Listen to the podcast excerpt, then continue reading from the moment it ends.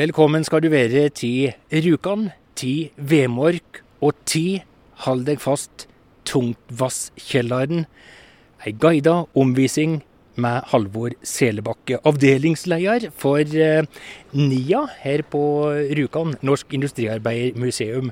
Dette er stort. Er det stort for deg òg, selv om du har vært i kjelleren mange ganger? Ja, det er kjempestort. Det er, eh, det er gåsehud hver eneste gang vi setter foten innenfor døra her. Så, så dette, er, eh, dette har vært en stor suksess for oss i de siste månedene, og det håper vi at det blir i månedene som kommer også. Kan ikke du si litt om, Halvor, at uh, du gjør i din jobb som avdelingsleder ved museet? Ja, jeg er avdelingsleder for verdensarvsenter Rjukan Notodden industriarv. og Oppdraget vårt det er og formidle kunnskap om eh, vår lokale verdensarv, Rjukan Notodden industriarv. Det er å formidle kunnskap om verdensarv i Norge, verdensarv i verden og trua verdensarv. Og det skal vi gjøre til mange målgrupper, hvor lokalbefolkning og barn er blant de. Det er mye som skal jobbes med, men det er utrolig spennende. Vi har en helt fantastisk historie å fortelle her, både på Notodden og Rjukan. Og denne tungtvannssabotasjen og tungtvannsaksjonene, de, de, de, er blant juvelene våre. Nå skriver vi høsten 2019, om vi da spoler tilbake halvannet år. Akkurat der vi står nå, utafor det som åpenbarer seg som tungtvannskjelleren. Hvordan så det ut eh, da? Da så det ganske annerledes ut her. Da hadde vi ikke kommet fullt så langt med den industriarkeologiske utgravninga som har eh, funnet sted her. Så da var det massene betydelig høyere opp på veggen, og vi måtte faktisk gå ned i eh, en rampe ned i kjelleren. Men uh, gjennom sommeren i fjor så blei alt det fjerna, og enda mer av uh, etterlatenskapene etter hydrogenproduksjonen, som også fant sted i bygningen, uh, åpenbarte seg. Det er ganske vilt, da, fordi her vi står nå, så kikker vi på ja, det ser ut som en lagerbygning som er dekt dels med svart uh, bølgeblikk og dels med plast og noen forskalingsplater. og Det ser ganske mellombels ut. Det som er vilt, det er jo at denne fabrikken i det hele blei riven på 70-tallet, før vi gikk inn. Hvordan kunne det skje? Det var sånn det faktisk var med lovgivninga. Et industribygg som ikke var i bruk, det måtte faktisk rives. Og det tok eh, Hydro på alvor. Så produksjonen den ble lagt ned i 1972. Og så ble bygningen revet i 1977. Ble han sprengt da, eller? Da ble bygningen sprengt, ja. Jevna med jorda, rydda og planera så ingen kunne se spor etter denne helt historisk unike eh, industrielle bygningen. Ja, det stemmer. Da ble alt eh, jevna med jorda. og og eh, i 40 år etter så regna man med at uh, her var det ikke stort å finne. Og så ble spaden satt i jorda i september 2017.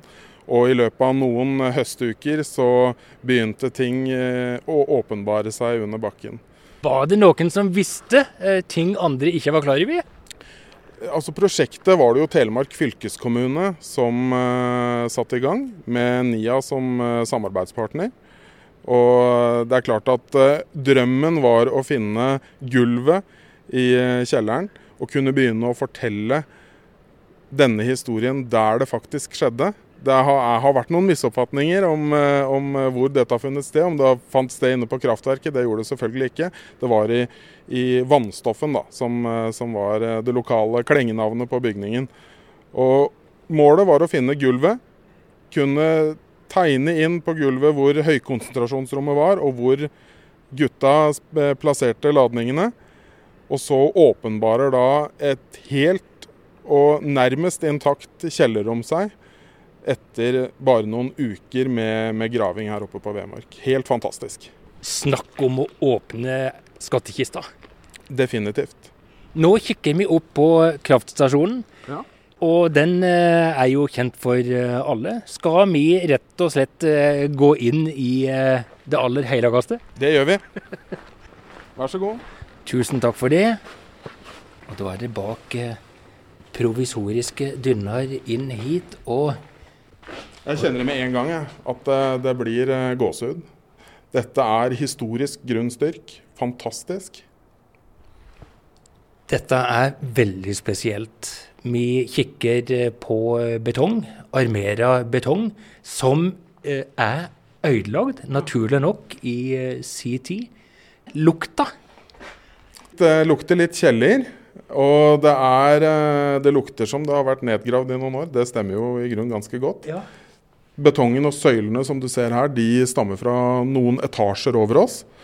Og kom ned som prosjektiler i forbindelse med rivinga på 70-tallet. Det er så sprøtt. Bygningen er sprengt, og så er det da åpna igjen. Hvor er vi eh, nå, da? Den provisoriske inngangen. Her må du guide. Det skal jeg. Ja. Da, da, må vi begynne å snakke litt om operasjon Gunnerside som fant sted natt til 28.2.1943. Yes. Disse sabotørene de var på vei fra Hardangervidda og gikk ned Fjøsbudalen, ned til Våer, som ligger på andre sida av brua her oppe på Vemark. Så tok de seg nedover Vesetsletta. Der gikk de over juvet, tok seg opp til jernbanesporet som gikk helt opp hit til Vemark, og til porten der. Og der lå de og venta på vaktskiftet som fant sted ved midnatt på broa. De venta til soldatene hadde kommet seg tilbake til vaktstua. Halvparten av eh, gutta de la seg med, med Tommy Guns i skråningen og holdt vakt, mens tre andre tok seg mot kjelleren. Planen var å ta seg inn den døra vi gikk inn nå. Var det det? Ja, men den var låst. Ja. Og det var en liten overraskelse for dem, så de leita etter alternative innganger. Og litt lenger bort på nordveggen, der var det en kabelkanal som de hadde fått tips om fra en av sine informanter. Og Der krabba Fredrik Kaiser og Joakim Rønneberg inn og tok seg inn i selve kjellerrommet. Og det gjorde de rett rundt hjørnet her borte. Og gamle var disse karene da, de som i ettertid har blitt så store helter for nasjonen? Ja, lederen av aksjonen, Joakim Rønneberg, han var 23 år gammel. Han var yngstemann, og alle sammen var mellom 23 eh, og 30 år. Så det var, eh, det var unge gutter. Men de hadde de, de, riktige verdiene, tror jeg vi egentlig kan si.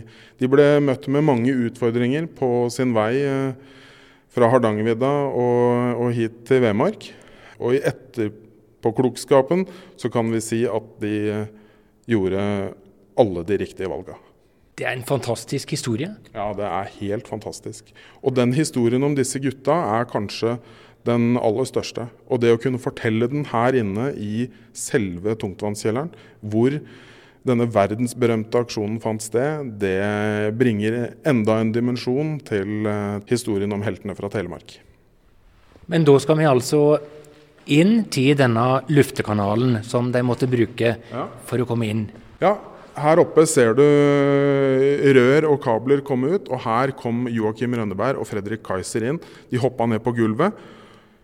Den bygningen som står her inne nå, den var ikke her da. Den ble satt opp på 50-tallet i forbindelse med omlegging av tungtvannsproduksjonen. Da bygde de om fra tungtvannsceller til noe som heter tungtvannskolonne. Men like fullt, det var en vegg her. De tok seg rundt hjørnet her og inn i selve høykonsentrasjonsrommet, hvor de møter på vaktmann Gustav Johansen. Og han ble ganske overraska over å møte på soldater her inne. Og han eh, sørga de for at det forholdt seg rolig mens de plasserte ladningene på tungtvannscellene. Og idet de skulle tenne lunta, så sier eh, Johansen at han har mista brillene sine.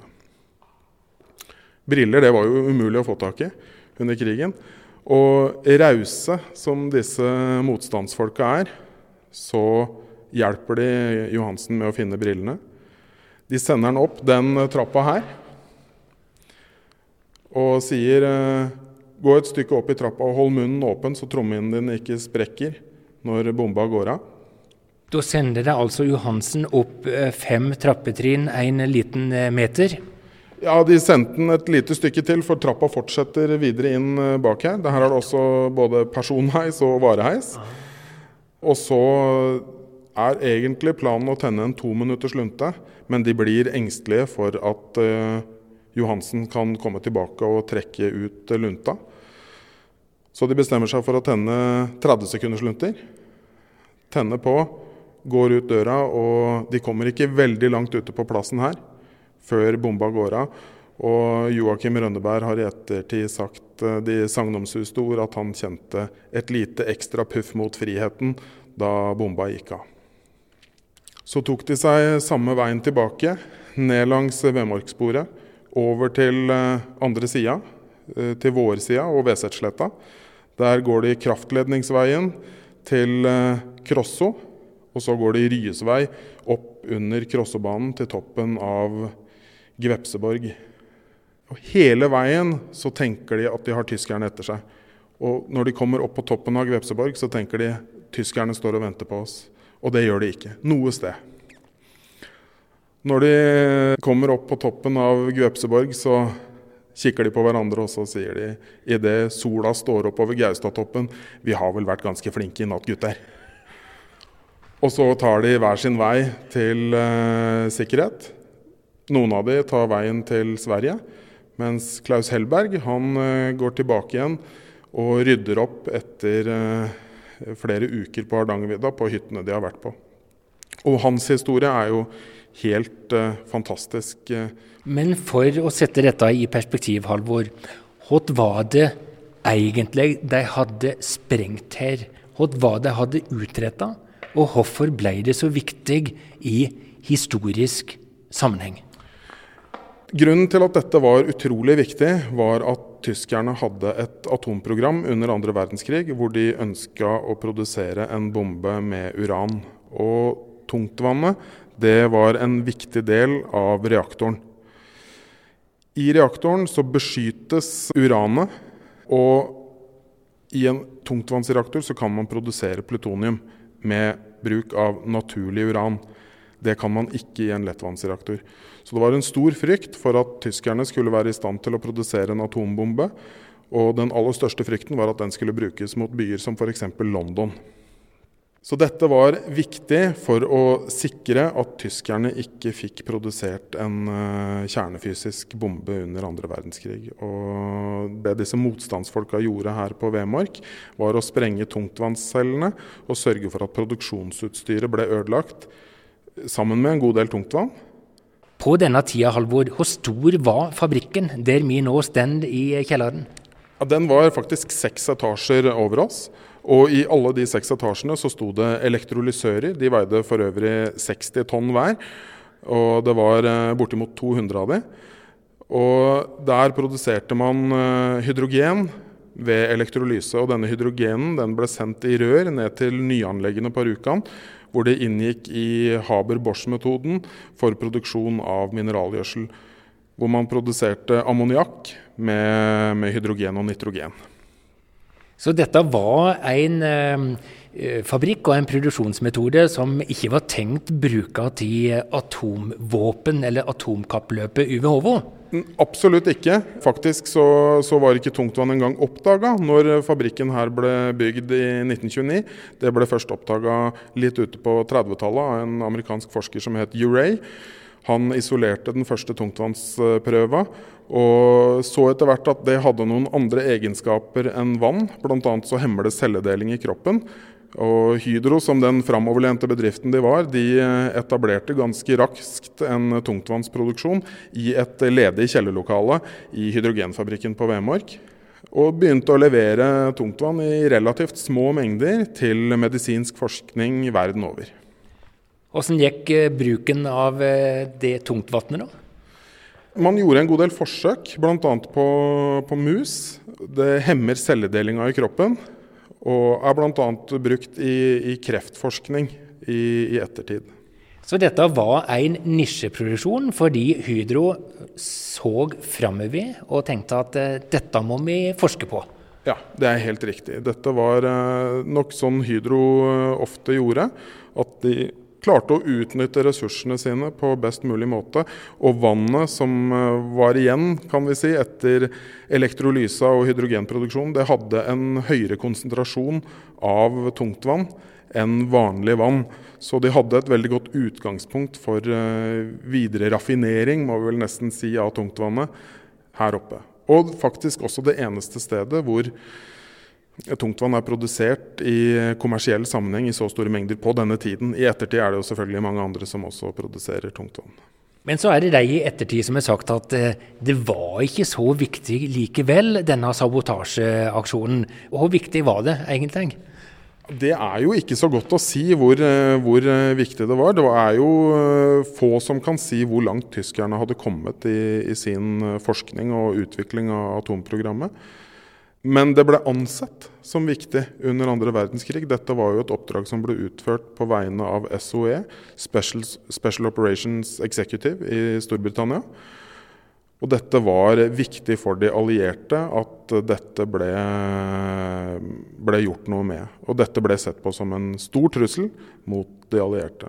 Ikke bare denne suksessrike aksjonen Gunnerside, men også tre andre aksjoner som hadde andre utfall. Men var det andre steder eh, rundt om i verden en hadde tilgang på tomtvann, som eh, her på Vemork? Nei, det var det ikke på den tiden. Det var, eh, det var kun her på Vemork det var produksjon i, i kommersiell skala. Så dette var akkurat så dramatisk og så alvorlig i de dager som det vi fremdeles tror det var? Det vil jeg påstå. Mm. For det er lett å være etterpåklok?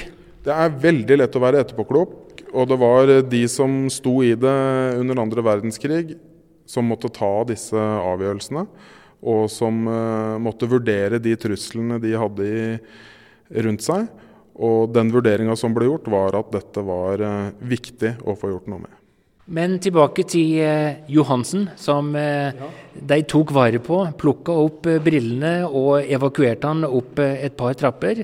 Åssen gikk det med han? Han tok seg ned igjen i kjelleren, han fikk med seg en kollega. Og her nede flomma jo vannet, så de klarte å stoppe vannet. De varsla faktisk ikke, de tyske soldatene, før det hadde gått en stund. Du vet, Hele åsen bak Vemork kraftstasjon var minelagt. Det sies i alle fall at eh, soldatene som var i vaktstuene her oppe, de eh, trodde det var en elg som hadde gått på ei mine, og, og valgte å ikke reagere. Så det tok faktisk bortimot 20 minutter før tyske soldater oppdaga at uh, tungtvannsproduksjonen her oppe var sabotert. Hva ble reaksjonen da? Ja, Den ble jo uh, selvfølgelig ganske fortvila. De visste jo uh, åpenbart hvor viktig dette var for de. Så det ble satt i gang eh, umiddelbare tiltak. Men eh, sabotørene de kom seg unna. Ellers, når vi ser rundt her i eh, Tungtvasskjelleren, vet du hen saker og ting var? Vet vi noe om hvordan det så ut akkurat da? Ja, det gjør vi. I uh, hydrogenproduksjonen så trengte man en elektrolytt i vannet for å få bedre effekt av uh, strømmen. Det gikk jo på likestrøm uh, med pluss og minus. Og i eh, elektrolysa så brukte man da en elektrolytt, som det heter. I dette tilfellet så var det kalilut. Og her sto det en tank med kalilut som ble pumpa opp og inn i, inn i hydrogenproduksjonen. Her borte er det fundamenter etter eh, tanker og pumpestasjoner. Og det aller meste av det vi ser her nede, det er knytta til eh, hydrogenproduksjonen i etasjene over. Og ikke til selve tungtvannsproduksjonen. Og så går det ei dynn her inn i en annen kjeller, eh, der eh, utgravingsarbeidet ikke er kommet særlig langt, kanskje? Dette er hele kjelleren under hydrogenfabrikken. Det var jo en forventning om at det skulle være en kjeller under hele bygget. Det viste det seg etter utgravninga å ikke være. Så det er ikke en kjeller til under det planen vi stemmer på nå? Nei, og heller ikke en kjeller som går lenger inn. Det er de helt sikre på. Det er vi helt sikre på. Det har vært litt av en jobb eh, for å få fram det vi ser nå, eh, skulle jeg tro. Hvordan har de gått fram med denne industrielle arkeologiske utgravinga? Der har vi hatt eh, arkeologer fra Telemark fylkeskommune som har utført og hatt oversynet med den industriarkeologiske utgravninga. Det er ikke med børste og murerskje, det er med gravemaskin. Ganske røff metode? Det er røff metode. Og et røft industribygg, det, det har tålt det godt. Så. De har holdt på i eh, flere uker og måneder. Her inne var det selvfølgelig eh, mye rusk og søppel som måtte fjernes. Mye av det ble fjerna til kronprinsens besøk 28.2.2018. Og så har det i ettertid blitt fjerna ytterligere. Så nå Det er veldig gunstig med besøk fra kongehuset fra tid til annen? Ja, nei, da får han jo gjort reint uh, litt ordentlig. Ja. ja. Så, så, nå framstår jo kjelleren som uh, utrolig uh, intakt. Og et flott lokale for formidling av denne viktige historien. Og nå gjør vi altså dette opptaket i september 2019. Og de har hatt stor aktivitet i Tungtfastkjelleren gjennom sommeren. Ja, vi har hatt en uh, ubetinga suksess med omvisninger i Tungtvannskjelleren. Vi har gjennom uh, deler av juni og juli og august solgt elleve uh, billetter til hver omvisning, uh, og de har det vært fire av hver eneste dag. Og vi har vært utsolgt flere dager i forveien hele tida, så dette har vært utrolig moro å se hvor viktig denne historien er for folk flest. Hvem er det helst som eh, blir med på denne omvisinga? Det har vært eh, definitivt flest eh, nordmenn som har vært med på, på, turen. En av de fire omvisningene har vi hatt på engelsk hver eneste dag, og den har også vært utsolgt eh, hele tida. Hva er reaksjonene når folk hører historien der historien faktisk skjedde? Her har vi sett voksne menn gråte det er eh, en sterk historie som vi formidler her i Tungtvannskjelleren. Og det er helt tydelig at den eh, rører noe i eh, alle våre gjester. Hva er planene videre nå? Vi har hørt at de trenger penning for å ta vare på Tungtvannskjelleren på skikkelig vis. Og så er det kommet noen millioner, og så har de nok bruk for noe mer. Hvordan tenker de framover for å gjøre dette tilgjengelig enda bedre for folk? Vi planlegger et uh, vernebygg og har faktisk prosjektert uh, vernebygget ferdig. Som uh, et eh, glassbygg utenfor eh, kjelleren som skal sørge for at eh, vi oppbevarer kjelleren i et godt nok klima til at denne kan bevares med evigheten som perspektiv. Og så skal vi selvfølgelig etablere formidling i enda større skala enn det vi har gjort så langt her inne. Og fortelle historien på ulike måter til ulike målgrupper. Har du noe tro om at dette blir en eh, realitet. Det er svære eh, og spenstige planer, dette her? Ja, det er det, og det skulle bare mangle på et så viktig sted. Jeg er helt overbevist om at dette er på plass i løpet av kort tid. De har iallfall en direktør som sier at dette ordner seg, om ikke akkurat nå, så i morgen eller neste år eller om et par år. Det er det ingen tvil om. Runar er en framoverlent kar som får til det han vil. Jeg vet at på Rjukan så har de ikke tradisjon for å gi seg før de når målet. Nei, nei, her får vi det som vi vil. Tilbake til eh, disse modige ungdommene. Hva tenker du om dem eh, i dag? Jeg tenker at de er forbilder for oss eh, alle. Kanskje spesielt for den oppvoksende generasjonen, og ikke minst generasjonene som kommer. Det å ta lærdom av de valga de gjorde, de utfordringene de sto overfor og prøve å ta det litt inn over seg. Joakim Rønneberg sa selv at uh, freden er som en uh, skjør glassbolle som du holder forsiktig i henda. Og i et øyeblikk av uoppmerksomhet så glipper du taket, og bollen går i bakken. Og det var, uh, det var det synet som Joakim Rønneberg hadde på fred. Og det å vedlikeholde freden og ta vare på den, det var de gode ambassadører for. Nå har på et vis Tungtvasskjelleren blitt uh, selve diamanten her på Vemork. Men de har jo atskillig mer å vise fram. Det har vi. Vi har jo en helt fantastisk industrihistorie med Rjukan Notodden industriarv. Industrietableringa her i Telemark og sette vannkrafta i arbeid for uh, menneskeheten.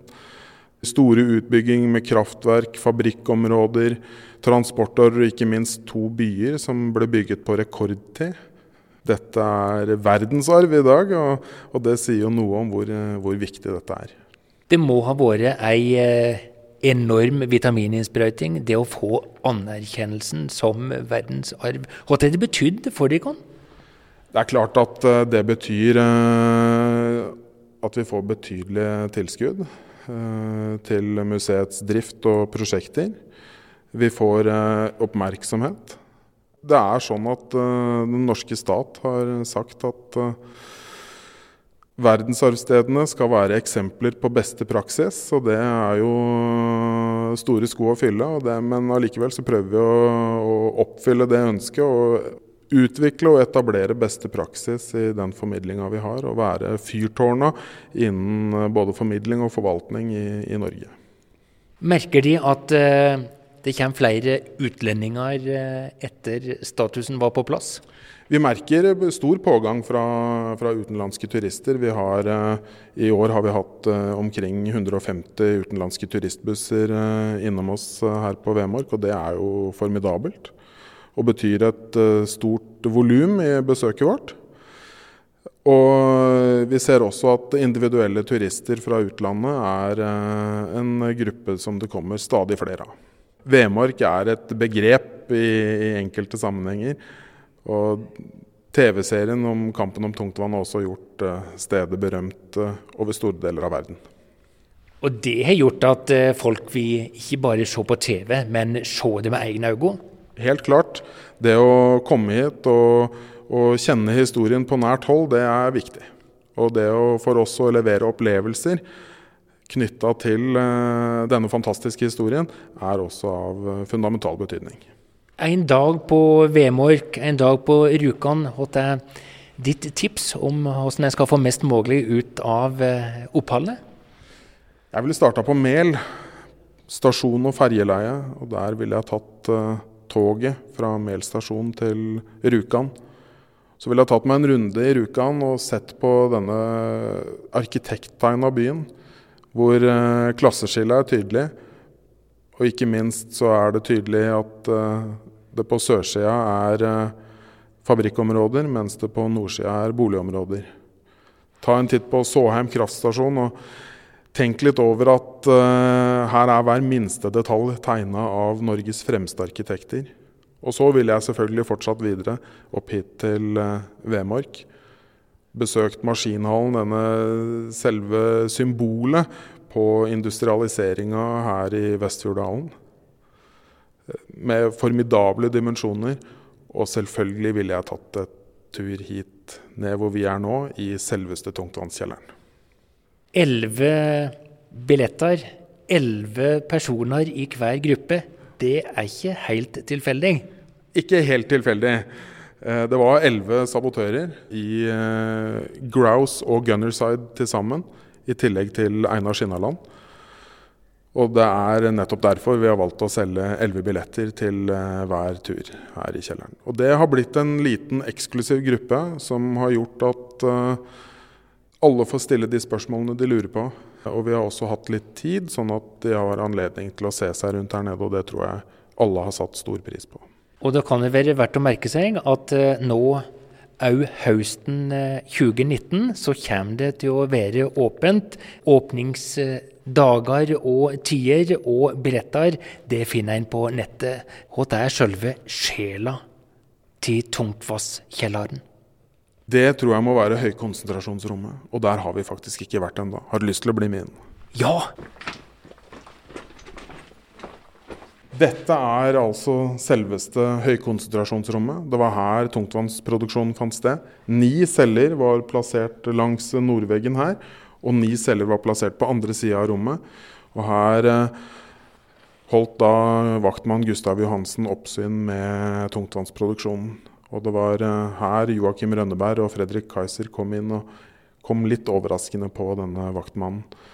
Og det som er ganske vilt, det er at dette rommet, det er rommet som har fått så sentral rolle i krigs- og verdenshistorien.